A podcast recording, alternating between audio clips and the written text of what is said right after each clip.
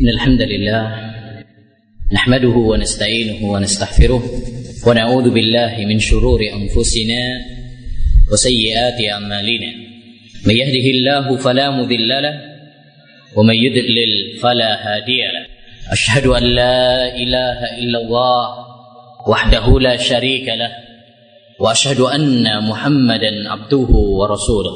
يقول ربنا تبارك وتعالى يا أيها الذين آمنوا اتقوا الله حق تقاته ولا تموتن إلا وأنتم مسلمون أما بعد فإن أصدق الحديث كتاب الله وخير الهدي هدي محمد صلى الله عليه وسلم وشر الأمور محدثاتها وكل محدثة بدعة وكل بدعة ضلالة وكل ضلالة في النار Ikhwani wa akhwati fillah rahimani wa rahimakumullah. Pada season yang kedua ini insyaallah kita akan membahas tema jangan gegabah memfonis kafir. Awalnya ini bukan bedah buku awalnya, kayaknya nggak ditempel bedah buku. Tetapi Jumat kemarin bukunya terbit. Ya, bukunya terbit. Maka ya sekalian sudah kadang terbit, maka dibawa sekalian. Dan insya Allah ini lebih bermanfaat karena terkadang mencatatkan nggak semuanya, ya, sehingga lebih komplit referensinya, dalil-dalilnya dan sebagainya. Ikhwani fillah rahimani wa rahimakumullah. Pembahasan masalah takfir, fitnah memfonis kafir adalah suatu pembahasan yang sangat penting sekali untuk kita bahas. Terutama pada zaman kita sekarang ini di mana banyak pemikiran-pemikiran asal fonis kafir ini menyebar di kalangan umat, terutama di kalangan para pemuda dan para aktivis dakwah. Padahal pemikiran ini adalah pemikiran yang sangat berbahaya. Pemikiran inilah dalang utama, biang kerok dari pengeboman-pengeboman, peledakan-peledakan dan aksi-aksi terorisme yang marak di berbagai negara, termasuk Indonesia. Kita semuanya tahu, setiap Muslim sampai orang awam pun, insya Allah ngerti bahwa yang namanya membunuh itu hukumnya adalah dosa dan dilarang dalam agama. Namun bagaimana halnya jika ada seorang ahli ibadah, bahkan mungkin penampilannya mirip sama kita, tetapi menganggap yang namanya membunuh orang dan menodai kehormatan seorang muslim merupakan jihad di jalan Allah Subhanahu merupakan amalan ibadah yang dapat mengantarkan pelakunya kepada surga Allah Subhanahu wa taala. Yang dapat menjadikan pelakunya termasuk para orang-orang yang syahid di jalan Allah Subhanahu wa ada dua bukti bahwa orang seperti ini ada dalam sejarah. Baik sejarah yang dahulu ataupun sejarah sekarang. Sejarah yang dahulu contohnya adalah Imran bin Hittan. Salah seorang ulama khawarij. Padahal dulunya ahlu sunnah. Saya akan cerita sedikit tentang Imran bin Hittan sebagai pelajaran bagi kita. Imran bin Hittan dahulunya adalah seorang ulama ahlu sunnah wal jamaah. Beliau awalnya adalah seorang ulama ahlu sunnah wal jamaah yang tersohor. Nah, kebetulan dia senang sama anak pamannya yang berpemikiran khawarij. Dan dia menyatakan keinginannya untuk menikahi ahwat tersebut. Sehingga teman-temannya Imran saat itu protes. Wahai Imran, kamu ini kan ulama ahlu sunnah wal jamaah. Kok malah menikahi seorang akhwat yang berpemikiran takfiri? Jawab Imran ente.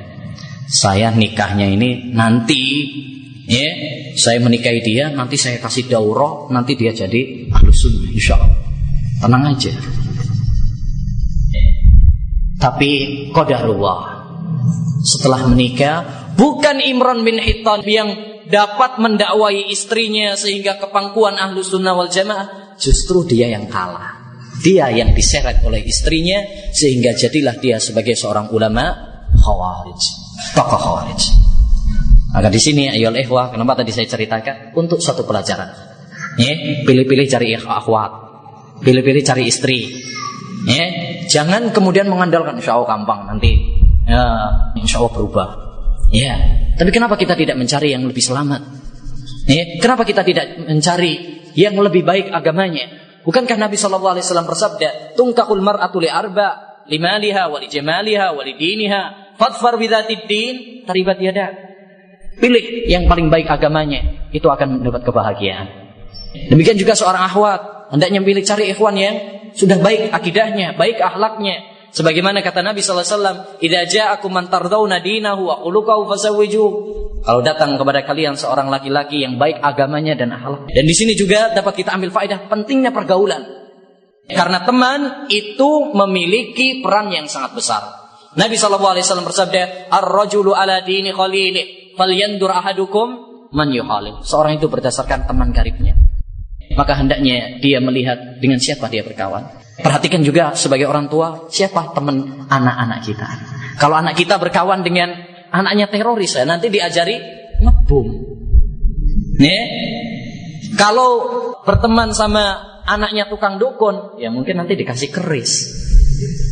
Ya, dikasih jambi-jambi. Mungkin untuk melet temennya lagi ya kan?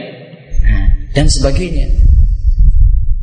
Suatu kali Imran bin Hittan, seorang tokoh Khawarij tadi, bersyair memuji Ibnu Muljam, pembunuh Ali bin Abi Thalib. Dia mengatakan dalam syairnya, Ya dharbatan min taqiyyin ma arada biha illa liyablugha min dil arsy ridwana. Inni la adkuruhu yawman fa ahsibuhu awfal bariyati indallahi mizana. Alangkah mulianya sabetan pedan orang yang bertakwa Bunuh Ali bin Abi Thalib malah dipuji. Dia tidak memiliki tujuan selain menggapai ridha Allah Subhanahu wa taala. Setiap aku teringat dirinya, aku selalu berharap bahwa dialah yang paling berat timbangannya. Ya, timbangan amal kebaikannya di sisi Allah Subhanahu wa taala. Ini. Jadi dia menganggap membunuh Amirul Mukminin Khalifah Rasulullah wasallam, menantunya Rasulullah wasallam seorang sahabat yang dijamin masuk surga memuji pembunuhnya bahkan mengatakan ini adalah amalan yang saya berharap amalan yang sangat baik di hadapan Allah Subhanahu wa taala. Jadi ada hewan orang-orang yang berpemikiran membunuh itu adalah ya, jihad, amal baik dan sebagainya. Baik, itu sejarah dulu. Sejarah sekarang, lihat para pelaku pengeboman yang belakang ini cukup marak di berbagai penjuru dunia dan banyak kaum muslimin yang menjadi korban tindak pengeboman tersebut. Kita bertanya-tanya, apakah aksi-aksi pengeboman, aksi-aksi terorisme yang banyak marak di berbagai negara, apakah mereka para pelakunya tersebut tatkala mereka melakukannya dengan anggapan bahwasanya itu dosa ataukah menganggap bahwasanya apa yang mereka lakukan adalah berpahala? Jawabannya yang kedua. Gak mungkin suatu tindakan membunuh, ngebom yang itu merupakan dosa yang diketahui oleh semuanya, kok mereka lakukan? Pasti di sana ada faktor pendorongnya. Apa faktor pendorongnya? Faktor pendorongnya itu adalah ideologi yang sekarang kita bahas, yaitu asal fonis kafir. Tidaklah para pelaku pengeboman tersebut, para pelaku aksi-aksi terorisme melakukan tindakan tersebut kecuali karena mereka sudah memfonis kafir dulu. Para pemerintah sudah dikafirkan, ulama-ulama di, yang dikafirkan, masyarakat rakyat yang menyelisih pendapatnya dikafirkan karena dianggap setuju. Akhirnya namanya udah dikafirkan, berarti melawan orang kafir adalah jihad. Ini penting kita ketahui karena inilah sumber utama aksi-aksi terorisme yang sangat bertentangan dengan agama dan bertentangan dengan akal sehat manusia. Rasulullah sallallahu alaihi wasallam bersabda, "La zawalud dunya wa ma fiha ahwanu indallah min qatlil muslimi bi ghairiha." Hancurnya dunia beserta isinya masih lebih ringan di sisi Allah Subhanahu wa taala daripada terbunuhnya nyawa seorang muslim tanpa alasan yang benar. Ya, saya nggak kepikiran orang-orang yang melakukan aksi pengumuman tersebut. Bagaimana kalau yang dibom di situ adalah keluarganya sendiri? Bagaimana kalau yang di sana adalah ayah dan ibunya sendiri atau anak-anaknya? Apakah dia akan tega melakukan hal itu? Ya. Jadi ayo lehwa. Nah, perlu kita bahas. Apa sih yang menyebabkan para pelaku aksi-aksi terorisme tersebut melakukan nekat melakukan seperti itu? Karena mereka menganggap ini adalah amalan ibadah, amalan jihad karena melawan orang-orang kafir. Nah, itulah yang akan kita bahas pada kesempatan ini. Ya, api huru hara ideologi fonis kafir ini harus kita padamkan. Caranya dengan menemukan bara api tersebut. Ya, dengan kemudian berusaha untuk memadamkannya terlebih dahulu sebelum menyibukkan diri yang lain. Namun, meluruskan suatu ideologi yang rusak tersebut bukan suatu hal yang sangat ringan. Ya, tapi membutuhkan ilmu, membutuhkan hujah. Karena para pelaku tersebut, orang-orang yang memiliki pemikiran tersebut, mereka menganggap pemikirannya adalah pemikiran yang benar. Sudah mendarah daging dalam tubuh mereka.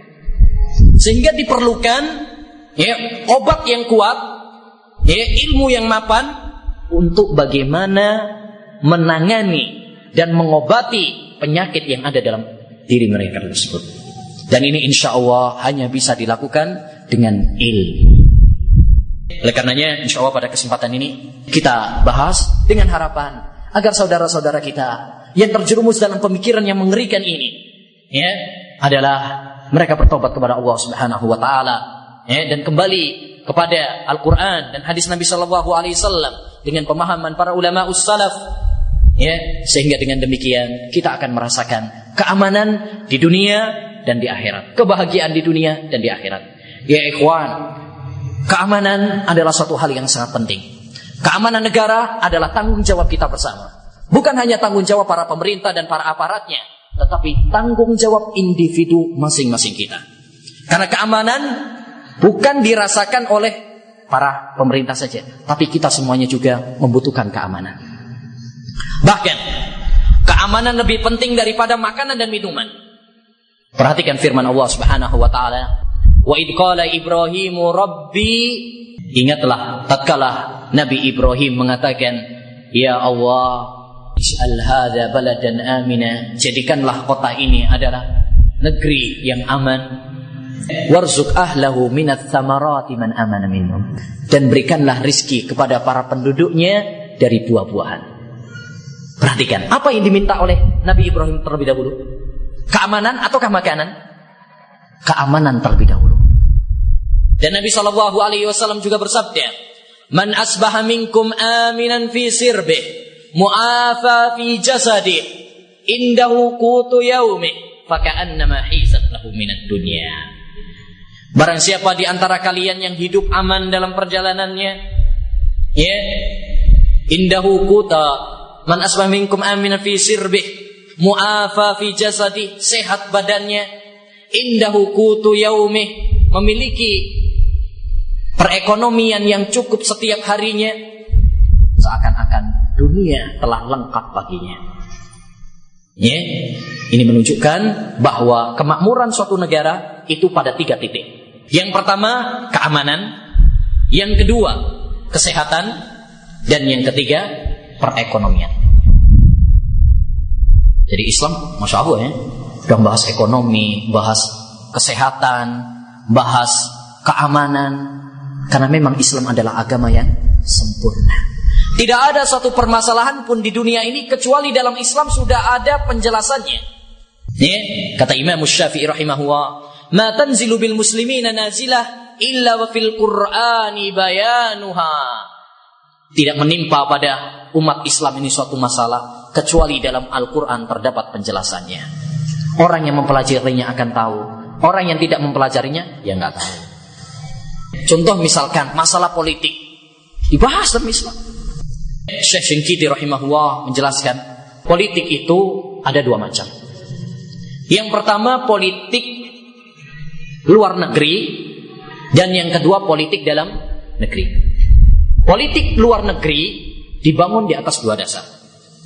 Yang pertama dibangun di atas mempersiapkan kekuatan dan ini dibahas dalam Al-Qur'an. Wa'iddu lahum mastata'tum min. Persiapkanlah kekuatan kalian untuk melawan musuh. Yang kedua, bangunan yang kedua yaitu persatuan. Dan ini pun banyak sekali ayat-ayat dan hadis yang menerangkan tentangnya. Wa'tasimu bihablillahi jami'a wa la tafarraqu. Bersatulah kalian dengan tali Allah dan jangan berpecah belah. Adapun politik dalam negeri maka itu berputar pada lima perkara. Yang pertama menjaga agama dan ini pun telah dibahas dalam Islam. Oleh karenanya orang yang murtad dihukum mati dalam Islam untuk menjaga agama. Yang kedua menjaga akal. Oleh karenanya Islam mengharamkan minuman-minuman memabukkan karena merusak akal. Yang ketiga menjaga nyawa. Makanya Islam melarang pembunuhan dan bunuh diri. Ya, yang keempat menjaga harta. Oleh karenanya Islam melarang pencurian, perampokan dan mengambil harta dengan cara yang haram. Yang terakhir menjaga nasab. Oleh karenanya Islam memerintahkan pernikahan dan melarang perzinahan. Demikian juga dalam masalah ekonomi dibahas dalam Islam.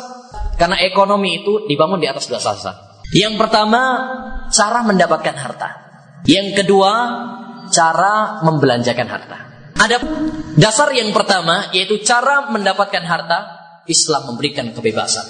Mau kerja ini, mau kerja itu untuk cari duit, selama itu tidak bertentangan dengan syariat, boleh. Ya, makanya ada kaidah asal dalam masalah dunia hukumnya halal sampai ada dalil yang mengharamkan. Islam memberikan kebebasan. Dalam Al-Qur'an, fa idza qudiyatis shalah fantashiru fil ard wabtaghu min fadlillah. Setelah kalian sholat Jumat, bertebaranlah ke muka bumi, carilah rizki rizki Allah Subhanahu wa taala. Yang kedua, dalam masalah membelanjakan pun diatur dalam Islam. Ya, makanya membelanjakan perlu belanja yang bermanfaat.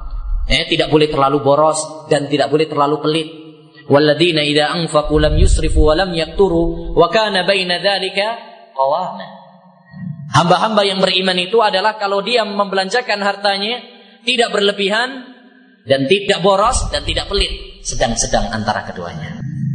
Jadi, ayo lehwa, Islam sangat mulia. Islam sangat sempurna, membahas semua permasalahan yang dibutuhkan oleh hamba. Makanya kita nggak butuh kepada hukum-hukum selain Islam. Ya, yeah. nah, kembali kepada permasalahan.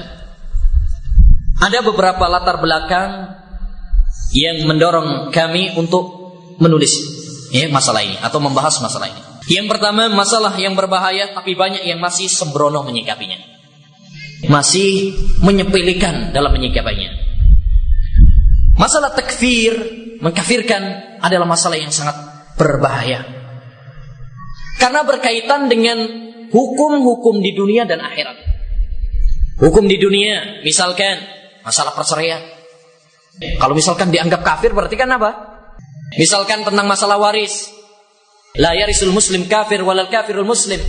Orang kafir itu tidak boleh mewarisi muslim, muslim tidak boleh mewarisi kafir. Berkaitan dengan penguburan jenazah, nggak boleh orang muslim dikubur di tempat pekuburan kafir atau kafir dikubur di kuburan muslim. Berkaitan dengan hukum-hukum di dunia. Dan berkaitan juga tentang hukum di akhirat. Berarti nanti dia masuk neraka, kal di dalamnya, Allah tidak mengampuninya dan sebagainya. Jadi masalah takfir, masalah mengkafirkan, masalah yang berat dan berbahaya. Ya, bukan masalah yang ringan. Taib. Namun ayu lehwa aneh bin ajaibnya.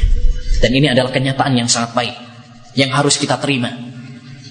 Banyak para pemuda, banyak para aktivis dakwah ya, yang mereka bersemangat tapi didasari dengan kebodohan, hawa nafsu, sehingga mereka dengan gegabahnya memfonis kafir para pemerintah, fonis kafir para ulama, dan memfonis kafir orang-orang yang tidak sepaham dengannya. Bahkan yang lebih ngeri lagi, ada sebagian di antara mereka yang mengkafirkan semua yang ada di bumi ini. Wala haula wala quwata illa billah. Nah, bukti-bukti tentang hal itu banyak sekali.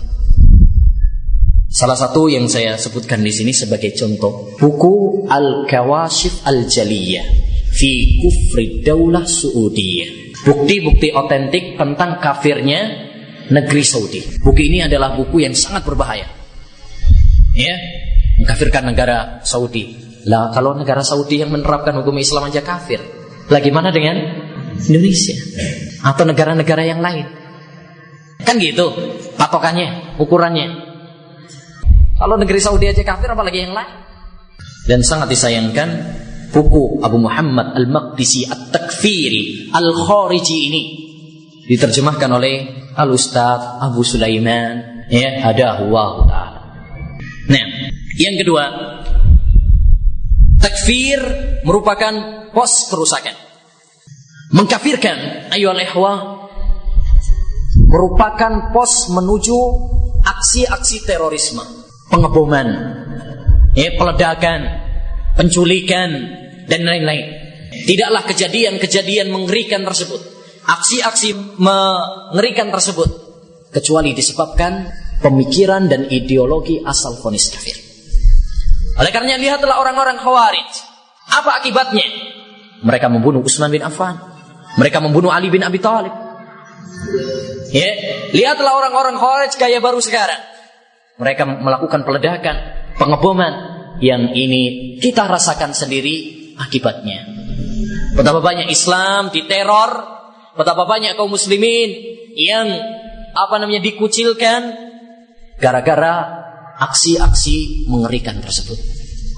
Kita mohon kepada Allah SWT. Makanya kita uh, menjelaskan seperti ini untuk membedakan antara orang-orang yang benar-benar mengikuti manhaj salaf dengan orang-orang yang mungkin kelihatannya agak sama, modelnya mungkin pakaiannya atau penampilannya, tetapi dalam pemikiran berbeda. Kita harus menjelaskan agar masyarakat tahu mana yang benar dan mana yang salah sehingga tidak tercampur di sana antara kebenaran dengan kebatilan.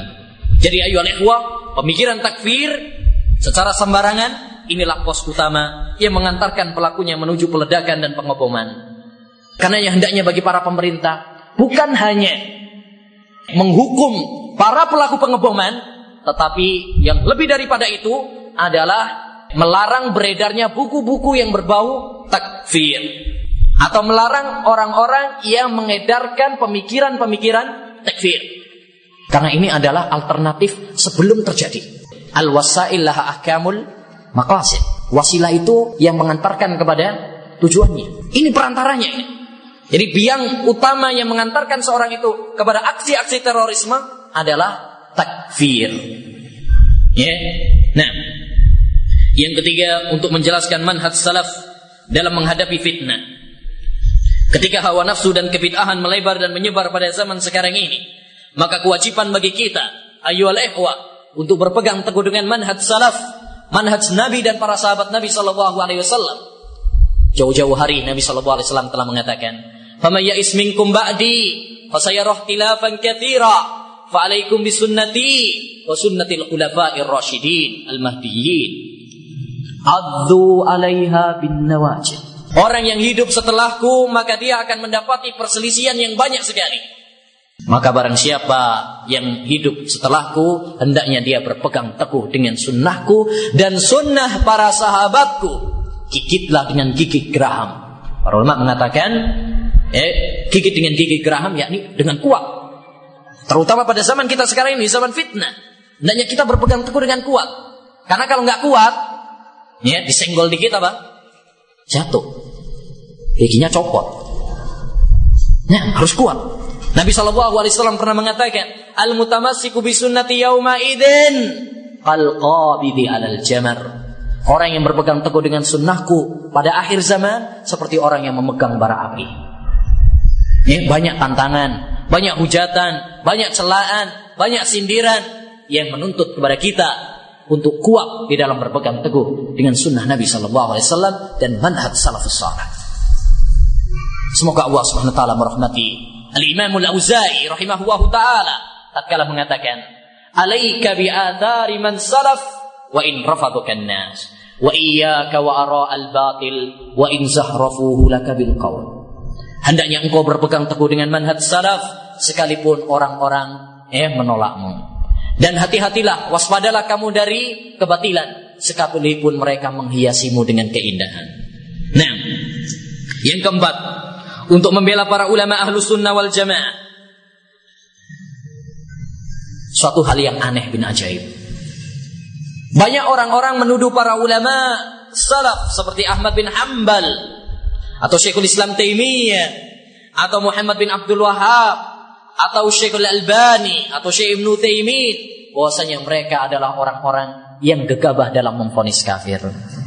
Padahal kalau kita mau jujur dan mempelajari sirah-sirah perjalanan mereka, mereka adalah orang yang sangat hati-hati dan memperingatkan kepada kita jangan gegabah memfonis kafir. Lah kok dibalik? Ya, saya di dalam buku tersebut saya catat, saya sampaikan apa namanya bukti-bukti orang yang menuduh. Ya, dan kebanyakannya dari orang orang kita sendiri. Yang menuduh Ibnu Taimiyah suka mengkafirkan, Muhammad bin Abdul Wahab suka mengkafirkan, Al Albani mengkafirkan Imam Bukhari, ya, Ibnu Utsaimin mengkafirkan Imam Nawawi dan Ibnu Taimiyah, ya, eh, dan Al Hafidh Ibnu Hajar. Padahal perhatikan misalkan perkataan Syekhul Islam Taimiyah. Beliau mengatakan, sesungguhnya orang yang selalu duduk bersamaku akan mengetahui bahwa aku termasuk manusia yang paling melarang dari lekas-lekas menghukumi seorang baik dengan kafir atau fasik. Dan perhatikan apa yang dikatakan oleh Syekh Abdul Latif tatkala menjelaskan tentang kakeknya Syekh Muhammad bin Abdul Wahab. Beliau mengatakan, Syekh Muhammad bin Abdul Wahab termasuk manusia yang sangat hati-hati dalam melontarkan kata kafir. Sehingga beliau tidak menetapkan kafirnya orang yang bodoh yang berdoa kepada selain Allah apabila belum ada yang menasehatinya dan menegakkan hujah kepadanya. Dan Syekhul Albani rahimahullah beliau mengatakan, saya menasihatkan kepada para pemuda agar hati-hati dalam memfonis bid'ah dan kafir kepada para ulama. Dan Syekh Ibnu Taimin mengatakan, Hendaknya seorang manusia bersikap hati-hati dari mengkafirkan orang yang tidak dikafirkan oleh Allah dan Rasulnya. Ya kaum, apakah setelah ucapan-ucapan mereka yang indah seperti itu, yang nasihat agar kita tidak gegabah dalam memfonis kafir, lalu dikatakan bahwasanya mereka adalah biang kerok, ya pemahaman-pemahaman khawarij. Sungguh ini adalah satu dusta, kaburat kalimatan tahruju min afwahihim iyakuluna illa kadiba. Ya, sungguh alangkah besarnya kedustaan yang keluar dari mulut-mulut mereka. Tidaklah mereka mengatakan kecuali kedustaan. Selanjutnya kita masuk pada pembahasan bab yang pertama. Definisi kufur dan macam-macamnya. Halaman 1. Sebelum memasuki pembahasan, ya, hendaknya kita terlebih dahulu mengerti apa itu kufur dan macam-macamnya. Kufur secara bahasa artinya menyembunyikan atau menutupi. Dikatakan demikian karena dia telah menyembunyikan nikmat dan anugerah Allah Subhanahu wa taala. Karena dia enggan untuk mengikuti seruan dan perintah Allah Subhanahu wa taala. Adapun secara istilah kufur adalah lawan dari kata keimanan. Ya, Syekh Abdurrahman As-Sa'di mengatakan definisi kufur yang bisa mencakup macam-macam bentuk serta jenis-jenisnya adalah pengingkaran segala apa yang dibawa oleh Rasulullah atau pengingkaran sebagiannya. Ini kufur yaitu mengingkari apa yang dibawa oleh Rasulullah Sallallahu Alaihi Wasallam atau sebagian yang dibawa oleh Rasulullah Sallallahu Alaihi Wasallam. Dan kufur dibagi oleh para ulama menjadi dua. Yang pertama kufur asgar, kufur kecil, yaitu kufur yang tidak mengeluarkan pelakunya dari agama Islam. Contoh sabda Nabi Shallallahu Alaihi Wasallam, "Sibabul muslimi fiskun wa qitaluhu kufrun." Mencela orang muslim itu adalah kefasikan dan membunuhnya adalah sesuatu kekufuran. Apa maksudnya kekufuran di sini? Apakah berarti orang yang membunuh kafir? Tidak. Buktinya dalam firman Allah Subhanahu wa taala dalam surat Al-Hujurat, wa in ta'ifatani minal mu'minina tatalu. Apabila ada dua golongan orang yang beriman yang saling berperang. Perhatikan, Allah masih mensifati mereka dengan kata iman. Seandainya orang yang berperang, orang yang membunuh itu adalah kafir, tentu Allah tidak menyebutnya dengan kata iman. Jadi, ayo ikhwah di sini pentingnya bagi kita untuk melihat dalil itu dengan dua mata. Jangan juga dengan sebelah mata. Ya, perlu kita padukan. Ya, asal ada kata kafir aja berarti wow ini keluar dari agama. Ya. Misalkan wa man lam yahkum bima anzala wa faulaikumul kafirun. Barang siapa yang tidak berhukum dengan hukum Allah maka dia kafir. Barang siapa yang tidak berhukum dengan Allah maka dia zalim. Berarti setiap ada kata zalim, kafir, maka itu kafir. Yang keluar dari Islam, nggak mesti. Ya, sangat menarik. Saya pernah dengar uh, dalam dialognya Syekhul Albani dengan orang-orang takfiri. Ya, dia mengartikan dolim di situ adalah kafir. Kemudian Syekhul Albani mengatakan, membungkam dia dengan sebuah ayat. Ya, bagaimana dengan ucapan Nabi Adam? Rabbana dolamna anfusana. Ya, ya Allah kami mendolimi. Apakah Nabi Adam kafir? Karena di situ terdapat lafaz dolim. Ya, bagaimana dengan perkataan Nabi Yunus alaihissalam? Subhanaka inni kuntu minad zalimin. Apakah berani ada seorang yang berani mengatakan bahwasanya uh, Nabi Yunus masuk di dalam orang-orang yang kafir? Ya. Makanya di sini perlu kita memahami dalil dengan benar.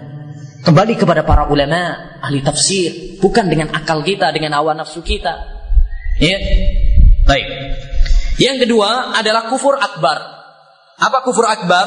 Kufur akbar adalah kekufuran yang mengeluarkan pelakunya dari agama Islam.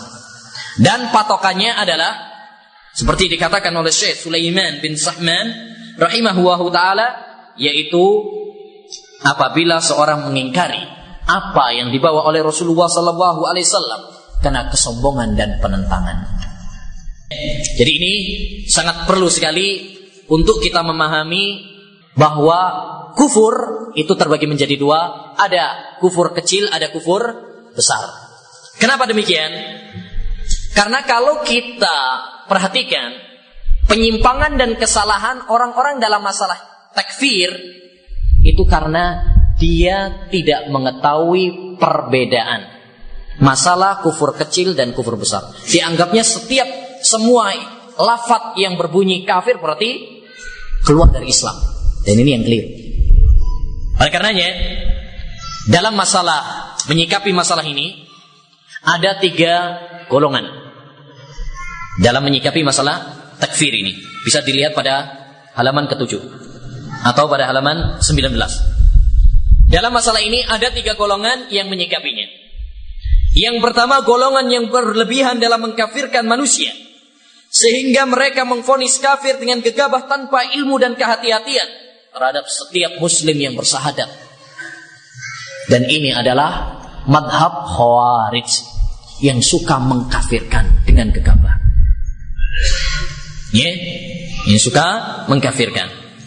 Faktor penyimpangan mereka apa? Apa yang menyebabkan mereka menyimpang? Karena mereka cuma mengambil dalil-dalil yang berisi tentang ancaman. Sebaliknya, golongan yang kedua adalah golongan yang meremehkan dalam masalah ini. Yaitu setiap orang yang sudah bersahadat gak boleh dikafirkan secara mutlak. Walaupun dia murtad, walaupun dia mengeluarkan ucapan-ucapan yang jelas kafir dan sebagainya. Dan walaupun sudah terpenuhi syarat dan hilang pengalamannya, nggak boleh dikafirkan. Ini adalah golongan murjiah yang meremehkan, terlalu meremehkan. Pokoknya iman itu ada di dalam hati, anjir. Ini orang yang meremehkan. Penyimpangannya dalam masalah apa? dia mengambil dalil-dalil, mencomot dalil-dalil yang berisi tentang hiburan, berisi tentang janji dan rahmat Allah Subhanahu wa taala. Jadi, kalau kita perhatikan penyimpangan dua kelompok pertama sama kelompok kedua, itu yang satu cuma mencomot ayat-ayat yang berisi tentang uh, ancaman, golongan yang kedua mencomot ayat-ayat tentang ya, tentang rahmat dan janji. Ya, adapun golongan yang benar adalah golongan yang ketiga.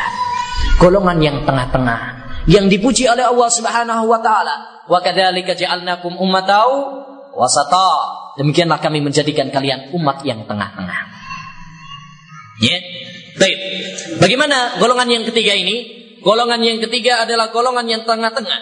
Mereka tidak mengkafirkan secara asal-asalan, tapi juga tidak melarang secara mutlak. Mereka berbaik sangka kepada setiap muslim. Ya. Tetapi kalau seandainya ada seorang muslim yang melakukan suatu kekufuran atau mengucapkan ucapan yang kufur dan telah jelas dan telah terpenuhi syarat-syaratnya, hilang segala penghalang-penghalangannya, maka golongan ini tidak pengecut untuk mengkafirkan orang tersebut. Jadi memang ada, bisa kita itu mengkafirkan, tapi ada patokan-patokannya. Makanya judul kitab ini bukan jangan kamu mengkafirkan, bukan jangan gegabah. Ya, boleh mengkafirkan itu boleh, asal terpenuhi koidah-koidahnya persyaratan-persyaratannya, hilang segala penghalang-penghalangannya. Dan yang menghukumi tersebut adalah seorang ulama yang ngerti tentang kaidah-kaidah ini, nggak terlarang. Ya, tapi kalau orang yang jahil yang nggak ngerti tentang kaidah, mungkin eh, dia mengkafirkan padahal itu bukan suatu kekufuran. Mungkin ada di sana eh, persyaratan-persyaratan yang tidak terpenuhi, atau ada di sana penghalang-penghalangannya. Nah, jadi inilah jalan yang selamat jalannya ahlu sunnah wal jamaah yang kita mohon kepada Allah Subhanahu wa taala agar kita dimasukkan dalam golongan yang ketiga ini. Baik. Kemudian selanjutnya sejarah pemikiran takfir. Sejarah pemikiran asal fonis kafir ini kembali kepada sejarah Khawarij. Karena ini cikal bakal pemikiran takfir, yaitu kelompok Khawarij. Ya, yang muncul ya dengan pemberontakan yang mereka lakukan kepada Khalifah bin Abi Thalib pada tahun ke-37 Hijriah. Ya. Dan pemikiran asal fonis kafir ini ayyuhal ihwa merupakan bid'ah yang pertama kali muncul pada umat Islam. Sebagaimana disebutkan oleh para ulama. Di awalnya pemikiran takfir ini dari mana? Orang-orang Khawarij. Kemudian menular kepada golongan-golongan yang lainnya. Seperti Mu'tazilah, Jahmiyah, Rafidah, dan sebagainya. Dan sampai sekarang masih ada. Rasulullah Shallallahu Alaihi Wasallam bersabda, "Yansha'u nas'un yaqra'una al-Qur'an, la yujawizu tarakiyahum, kullama kharaja far'un kuti' hatta yahruja fi a'radihimud dajjal." Ya, akan muncul suatu kelompok yang membaca Al-Qur'an tapi tidak sampai kepada tenggorokan mereka. Artinya, mereka membaca Al-Qur'an, berdalil dengan Al-Qur'an tapi tidak memahaminya dengan pemahaman yang benar. Mereka mendengungkan wa man lam yahkum bima anzalallah faulaika humul kafirun tapi nggak ngerti tentang penafsirannya. Ya, oleh karenanya menarik sekali apa yang disebutkan oleh Al-Khutibul Baghdadi dalam tarikh Baghdad bahwa ada seorang khawarij datang kepada Amirul Mukminin uh, Al-Ma'mun, Khalifah Ma'mun Kemudian mengatakan, Khalifah Makmun bertanya, apa yang menyebabkan kamu memberontak saya? Dia mengatakan sebuah ayat wahai Amirul Mukminin. Ayat apa itu? Wa man lam yahkum bima anzalallah faulaika humul kafirun. Jawab Khalifah, apa buktimu bahwasanya ayat itu benar-benar diturunkan kepada Nabi Muhammad? Dia menjawab, buktinya adalah kesepakatan para sahabat. Ya, jawab Amirul Mukminin Khalifah, kalau kamu berdalil dengan kesepakatan para sahabat bahwasanya ayat itu diturunkan kepada Nabi, maka berdalillah dengan kesepakatan para sahabat tentang penafsiran ayat itu. Para sahabat bersepakat bahwasanya penafsiran ayat itu tidak mutlak kafir mengeluarkan dari Islam. Diperinci terlebih dahulu. Sebagaimana penafsiran Ibnu Abbas, kufrun duna kufrin. Ya, kufur tapi tidak mengeluarkan seorang dari Islam diperinci. Ya. Jadi bukan sembarangan. Nah, hadis ini ayo hawa ya kembali ya akan ada suatu kelompok yang muncul yang membaca Al-Quran tapi tidak sampai pada tenggorokan mereka. Setiap kali muncul, ya mereka dibasmi habis sehingga keluar pada pasukan mereka Dajjal. Hadis ini menunjukkan bahwa Khawarij akan tetap ada mereka dibasmi, muncul lagi. Dibasmi, muncul lagi. Diberantas dengan ilmu atau dengan kekuatan pemerintah. Ya, habis muncul lagi, habis muncul lagi.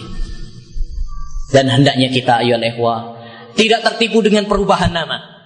Khawarij tetap ada sekalipun nama Khawarij mungkin udah hilang. Gak ada orang kelompok saya Khawarij gak ada.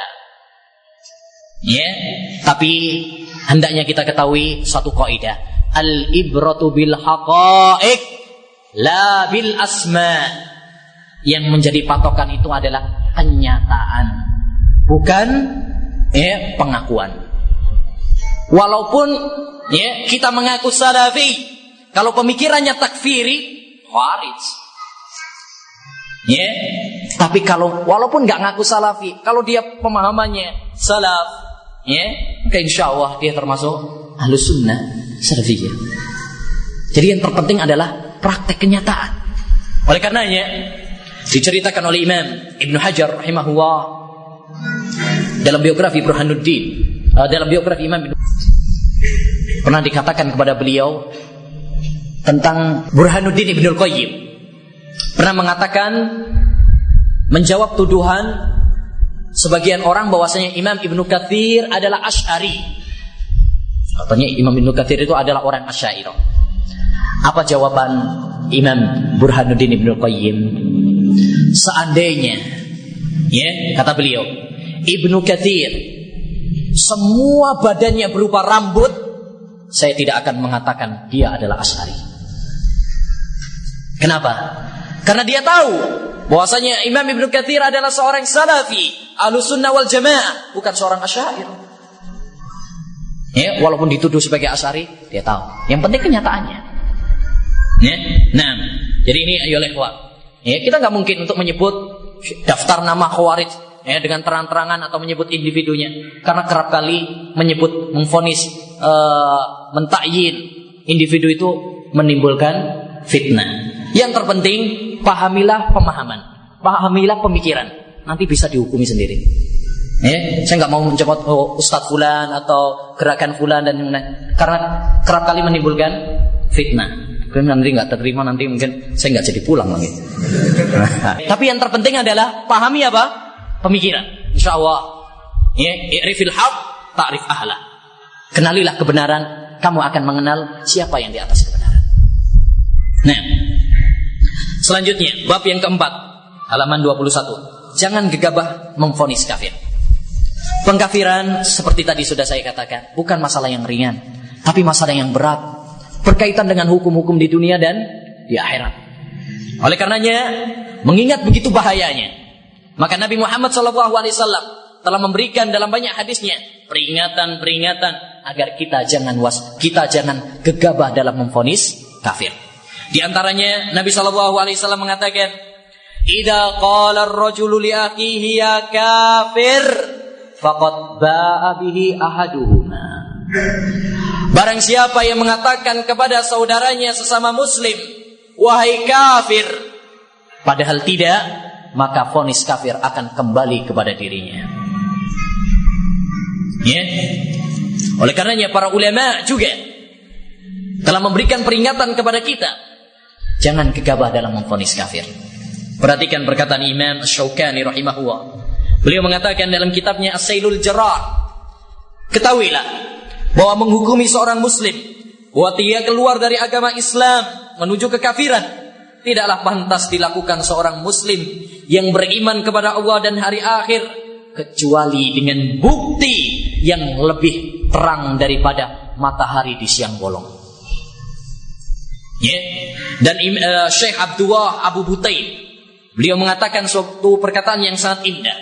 Kata beliau, kesimpulannya, wajib bagi setiap orang yang menasihati dirinya untuk tidak berbicara dalam masalah ini kecuali dengan ilmu dan bukti dari Allah dan hendaknya dia waspada dari mengeluarkan seorang dari Islam dengan sekedar pemahamannya dan akalnya karena mengeluarkan seorang atau memasukkannya termasuk perkara agama yang sangat agung. Setan telah menggelincirkan banyak manusia dalam masalah ini. Cukuplah sebagai peringatan dari gegabah memfonis kafir sebuah hadis yang diceritakan oleh Nabi Shallallahu Alaihi Wasallam bahwa ada dua orang yang bersaudara di Bani Israel, yang satu ahli ibadah, yang satu eh ahli maksiat. Setiap kali yang ahli ibadah melihat saudaranya berbuat maksiat, maka dia menegurnya. Suatu saat, ya, saudaranya yang ditegur mengeluarkan perkataan yang cukup pedas. Dia mengatakan, kamu bukanlah seorang nabi yang diutus untuk menasihati saya. Ya, maka dengan emosi sang ahli ibadah, saudaranya mengatakan, ya, semoga Allah tidak merahmatimu. Semoga Allah tidak memasukkan surga kepadamu. Semoga Allah melaknatmu dan sebagainya. Kata Nabi, keduanya kemudian dibangkitkan pada hari kiamat. Nah, lalu Allah Subhanahu wa taala mengatakan kepada yang ahli dosa, "Saya telah mengampunimu, masuklah ke surgaku." Dan Allah Subhanahu wa taala telah mengatakan kepada orang yang ahli ibadah, ya, dari mana kamu telah eh, mendahului hukumku? Ya, seretlah dia ke neraka. Yakni, tatkala dia mengatakan Allah tidak memasukkan kamu ke surga, Allah tidak merahmatimu. Siapa yang bilang kamu bahwa saya tidak merahmati dia? Ya, kamu telah melangkai hukum saya. Berbuat kurang ajar dan adab kepada saya. Lalu Allah SWT menyuruh ahli ibadah tersebut diseret ke neraka. Ya, hadis ini juga merupakan peringatan yang sangat keras bagi orang-orang yang gegabah dalam memfonis kafir. Kalau memang memfonis kafir secara sembarangan, secara umum sesama muslim aja nggak boleh, lantas bagaimana ayu al dengan memfonis para ulama ya, atau umara para pemerintah dengan kekafiran? Ya, tentu ini bahayanya lebih besar. Karena mengkafirkan ulama dan mengkafirkan umara memiliki dua kerusakan yang sangat besar. Yang pertama, ya, dampak negatif dari segi syar'i. Kalau ulama sudah dikafirkan, lalu masyarakat ini mau bertanya kepada siapa? Ya, apa kita akan suruh mereka untuk bertanya kepada orang-orang yang bodoh? yang akan menyesatkan manusia, yang akan menjadikan fitnah. Idza wusidal amru ila ghairi ahli fantadirisa. Apabila satu urusan diserahkan kepada orang yang bukan ahlinya, tunggu saja kiamat. Ya. Yang kedua dampak kemasyarakatan. Karena apabila pemerintah sudah dianggap kafir, yang terjadi adalah ya, pelecehan, pengerusakan, demonstrasi, kekacauan, pemberontakan, yang semua itu sangat bertentangan dengan agama Islam, ya, dan kesudahannya adalah sangat mengerikan. Baik, kemudian bab yang keenam dampak negatif takfir. Sebelumnya harus kita ketahui bahwa setiap larangan Allah Subhanahu wa taala dan larangan Rasulullah pasti membawa dampak negatif. Dan setiap perintah Allah Subhanahu wa taala dan Rasulnya pasti membawa kebaikan bagi kita. Baik kita mengetahuinya atau tidak. Kalau kita mengetahuinya alhamdulillah, kalau tidak imani. Ya, sebagaimana kata Ibrahim, wa id qala Ibrahimu rabbi arini kaifa tuhyil mauta. Qala awalam tu'min? Qala bala, walakin liyatma'inna qalbi. Ingatlah tatkala Ibrahim mengatakan, "Ya Allah, tunjukkan kepada saya bagaimana engkau eh, membangkitkan orang-orang yang sudah meninggal dunia. Kata Allah, apakah kamu tidak beriman? Jawab Ibrahim, ya beriman, tapi biar lebih mantap. Yeah. Dan fonis kafir secara sembarangan memiliki dampak negatif yang sangat besar, berupa pertumpahan darah, terkoyaknya kehormatan, perampasan harta milik pribadi dan umum, pengoboman gedung-gedung dan pembajakan pesawat, yang semua ini hukumnya adalah haram dan bertentangan dengan agama dan akal manusia. Ya, kita mohon kepada Allah Subhanahu wa taala agar menjauhkan kita semuanya dari fitnah, fitnah yang marak di uh, dunia dan pada zaman ini. Bab yang ketujuh halaman 39. Kaidah-kaidah penting dalam masalah takfir. Tidak sepantasnya bagi seorang berkecimpung dalam masalah takfir kecuali apabila dia memahami kaidah-kaidah ini. Ya. Kaidah yang pertama, Pengkafiran adalah hukum syar'i dan hak Allah Subhanahu wa taala. Ya. Jadi takfir itu hukum syar'i yang berlandaskan Al-Qur'an dan hadis. Hak Allah dan Rasulnya, bukan hak lembaga, bukan hak kelompok, bukan hak individu orang. Ya. Yang berdasarkan perasaan, emosi, akal dan permusuhan. Tidak. Oleh karenanya, para ulama menegaskan tidak boleh mengkafirkan orang yang mengkafirkan kita. Kalau memang dia tidak berhak dihukumi kafir. Bukankah sebagian kelompok mengkafirkan kelompok selain kelompok mereka? Tapi apakah misalkan kita dikafirkan oleh jamaah fulan? Apakah berarti kemudian kita membalas dendam? Ya, dia mengkafirkan kita berarti dia kafir loh. Enggak. Ya, sama halnya kalau misalkan naudzubillah, misalkan ada orang yang berzina dengan istri orang Apakah kemudian suaminya harus membalas dengan ya, menzinai istrinya? Enggak. Kebatilan, kemungkaran tidak dibalas dengan kemungkaran juga. Sungguh bagus apa yang dikatakan oleh Imam Ibnul Qayyim dalam kitabnya An-Nuniyah. Beliau berkata, Al-kufru haqqu wahi summa rasulihi. Bisyar'i yasbutu la biqawli fulani. Man kana rabbul alamin wa abduhu qad kaffarahu fadzaka dzul kufrani.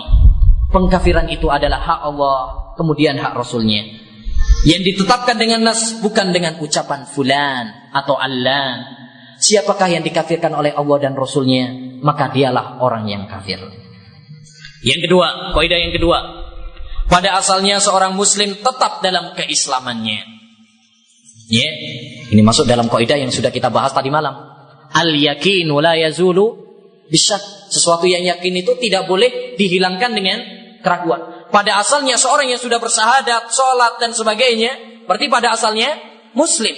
Tidak boleh kita keluarkan dia dari Islam alias kita kafirkan kecuali dengan bukti-bukti yang kuat. Ya, tidak boleh dengan keraguan. Al yakinu yazulu bil yakin. Keyakinan itu hilang dengan keyakinan juga. Tapi kalau dengan keraguan, enggak. Ya. Oleh karenanya tidak boleh bagi kita untuk gegabah dalam mengkafirkan. Karena gegabah dalam mengkafirkan membawa dua dampak negatif yang sangat berbahaya. Pertama, kita berbuat dusta kepada Allah SWT. Tatkala kita mengatakan fulan adalah kafir. Kafir kan haknya Allah SWT. Ya. Kalau misalkan dia tidak kafir, berarti kita membuat dusta kepada Allah SWT. Padahal Allah berfirman, "Wala taqfu ma laysa bihi Eh, Janganlah kamu berbicara apa yang tidak kamu ketahui. Semuanya akan dimintai pertanggungjawaban. Pendengaran, penglihatan hati kita dimintai pertanggungjawaban. Yang kedua, kita terjatuh dalam ancaman Nabi Shallallahu Alaihi Wasallam. Barang siapa yang mengkafirkan saudaranya, padahal saudaranya tersebut tidak kafir, akan kembali kepada dirinya.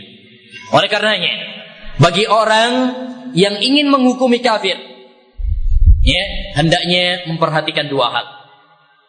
Pertama, adanya dalil-dalil dari Al-Quran dan Sunnah yang menetapkan bahwa ucapan dan perbuatan tersebut merupakan kufuran. Harus ada dalil bahwa perbuatan dan perkataan yang dia ucapkan adalah kafir berdasarkan Al-Quran dan hadis. Yang kedua, melihat koidah-koidah. Apakah orang tersebut telah terpenuhi persyaratan-persyaratan dan hilang penghalang-penghalangnya atau tidak? Karena tidak semua orang mengucapkan kekufuran atau melakukan kekufuran berarti pasti kafir. Nggak mesti. Ya, sebagaimana nanti akan kita bahas pada setelahnya. Kaidah yang selanjutnya yang ketiga. Tidak dikafirkan kecuali yang disepakati ahlus sunnah kekafirannya. Ya. Oleh karenanya para ulama tatkala berselisih tentang apakah orang-orang khawarij kafir atau tidak, maka Imam Ibnu Battal mengatakan selagi masih diperselisihkan apakah mereka kafir atau tidak, maka pada asalnya tidak kafir. Man sabata islamu biyakin fala yazulu illa biyakin. Orang yang telah tetap keislamannya dengan keyakinan, maka tidak boleh hilang kecuali dengan yang yakin juga. Yang keempat, kaidah yang keempat, wajib menegakkan hujah kepada yang dikafirkan. Karena bisa jadi dia jahil, bisa jadi dia bodoh, nggak ngerti bahwa apa yang dia lakukan atau yang dia ucapkan adalah kekufuran. Perlu ditegakkan ilmu kepadanya, perlu ditegakkan hujah kepadanya. Karena Allah swt tidak menyiksa suatu kaum kecuali setelah adanya peringatan terlebih dahulu. Allah Subhanahu Wa Taala berfirman, "Wa ma kunna mu'adzibin hatta nab'asa rasula." Kami tidak akan mengadab sebelum kami mengutus seorang rasul. Yang terakhir, harus dibedakan antara pengkafiran secara umum dengan pengkafiran secara individu. Pengkafiran secara umum maksudnya ucapan. Orang yang mengatakan Al-Quran makhluk kafir secara umum. Ya kan? Orang yang mengingkari tentang kewajiban sholat kafir itu hukum umum. Tetapi kalau khusus, oh fulan mengatakan orang Al-Quran itu makhluk, apakah kita jatuhi dia kafir? Belum tentu. Ya, harus dibedakan antara fonis secara umum dengan fonis secara khusus. Makanya kita harus memahami tatkala para ulama mereka mengatakan barang siapa yang mengatakan begini kafir, jangan kemudian diterapkan kepada setiap orang yang melakukan hal itu. Karena tidak semua orang melakukan kekafiran pasti dia kafir. Karena di sana ada persyaratan-persyaratan dan di sana ada penghalang-penghalangan. Di antara syaratnya, misalkan harus balik dan berakal. Kalau dia anak kecil misalkan ngomong ucapan kufur, ya enggak kafir. Karena dia termasuk diangkat pena darinya. Yang syarat yang kedua, sengaja. Kalau orang nggak sengaja, berarti nggak kafir. Ya. Seperti dalam sebuah hadis diceritakan oleh Rasulullah SAW, ada seorang laki-laki yang tersesat jalannya dalam perjalanannya, hilang untanya hilang, perbekalannya hilang. Ya, dicari-cari ke mana nggak ada. Akhirnya apa? Akhirnya dia istirahat, tidur. Bangun-bangun, untanya datang. Untanya datang. Kemudian saking senengnya di tengah padang pasir sudah mau mati gitu ya untanya perbekalannya datang. Saking senangnya dia mengatakan Allahumma anta abdi wa ana rabbuk. Ya Allah kamu adalah hambaku saya adalah Robmu. Bukankah ini ucapan kufur? Mengatakan Allah adalah hambanya dia adalah Robnya Allah bukankah ini adalah kekufuran kufur tapi apakah dia dikafirkan tidak apa sebabnya? Kata Nabi, ya, ah amin ajlil farah. Dia salah ngomong karena saking gembiranya, saking senangnya. Udah mau mati, eh nggak taunya kembali perbekalannya. Ya, ini. Demikian juga ayo kalau seorang itu terpaksa seperti Ammar bin Yasir mengatakan ucapan kufur, tapi Allah SWT mengatakan dia tidak kafir karena dia terpaksa. Seperti dalam ayat, "Man kafara billahi min ba'di imanihi illa ukriha wa qalbuhu bil iman." Barang siapa yang kufur setelah keimanannya kecuali orang yang terpaksa setelah keimanannya. Yang syarat yang ketiga sampai hujah kepadanya. Adapun orang-orang yang bodoh ya, adapun orang-orang yang bodoh maka tidak boleh dikafirkan karena belum sampai hujah kepadanya. Sebagaimana kata Allah Subhanahu wa taala, "Wa ma kunna mu'adzibina hatta nab'asa rasula." Kami tidak mengadab suatu kaum sampai mengutus kepada mereka seorang utusan yang menerangkan kepada mereka, memberikan peringatan kepada mereka. Ya. Dalil tentang hal ini bahwasanya orang yang bodoh tidak dikafirkan adalah permintaan para sahabat pada perang Hunain. Pada perang Hunain, para sahabat yang baru masuk Islam mengatakan apa? Ya Rasulullah, ij'al lana data anwat kama lahum datu anwat. Ya Rasul, berikan kepada kami ya, buatkan untuk kami datu anwat, pohon datu anwat untuk naruh senjata-senjata kami biar kebal dan sebagainya. Ya. Rasulullah marah. Tetapi apakah Rasulullah mengkafirkan mereka? Tidak, karena mereka baru masuk Islam jahil, nggak ngerti. Ya. Baik, yang selanjutnya bukan karena takwil. Maksud dari syarat ini adalah ada sebagian orang ngerti dalilnya, tapi dia mengartikan makna yang lain yang tidak benar. Seperti misalkan yang dilakukan oleh Mu'ad bin Jabal. Dia pernah ketika dari Syam sampai kepada Rasulullah sujud sama Rasulullah SAW. Ya, sujud sama Rasulullah. Rasulullah kaget. Wahai Mu'ad, apa ini? Ya, kamu sujud, sujud nggak boleh kecuali kepada Allah Subhanahu wa taala. Ya, jawabnya Mu'ad, saya melihat raja-raja di sana mereka sujud sebagai penghormatan.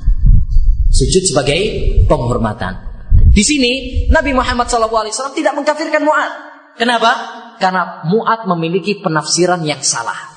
Ya, dia mengira bahwa sujudnya dia itu karena pengagungan dan penghormatan. Tapi Rasulullah tetap melarang hal itu. Jadi ayo ikhwah, ada syarat-syarat, ada penghalang-penghalang yang perlu kita ketahui. Dan tidak sembarangan orang yang boleh mengkafirkan ini. Ya, yang boleh mengkafirkan adalah para ulama yang ngerti tentang kaidah-kaidah seperti ini. Kalau sembarangan orang, wah, parah. Mungkin yang itu bukan kekufuran, nanti dianggap kafir. Yang masih mungkin persyarat, persyaratannya belum terpenuhi, dianggap kafir dan sebagainya. Kesimpulannya, ayo lehwa rahimani wa rahimakumullah. Masalah takfir adalah masalah yang sangat berbahaya.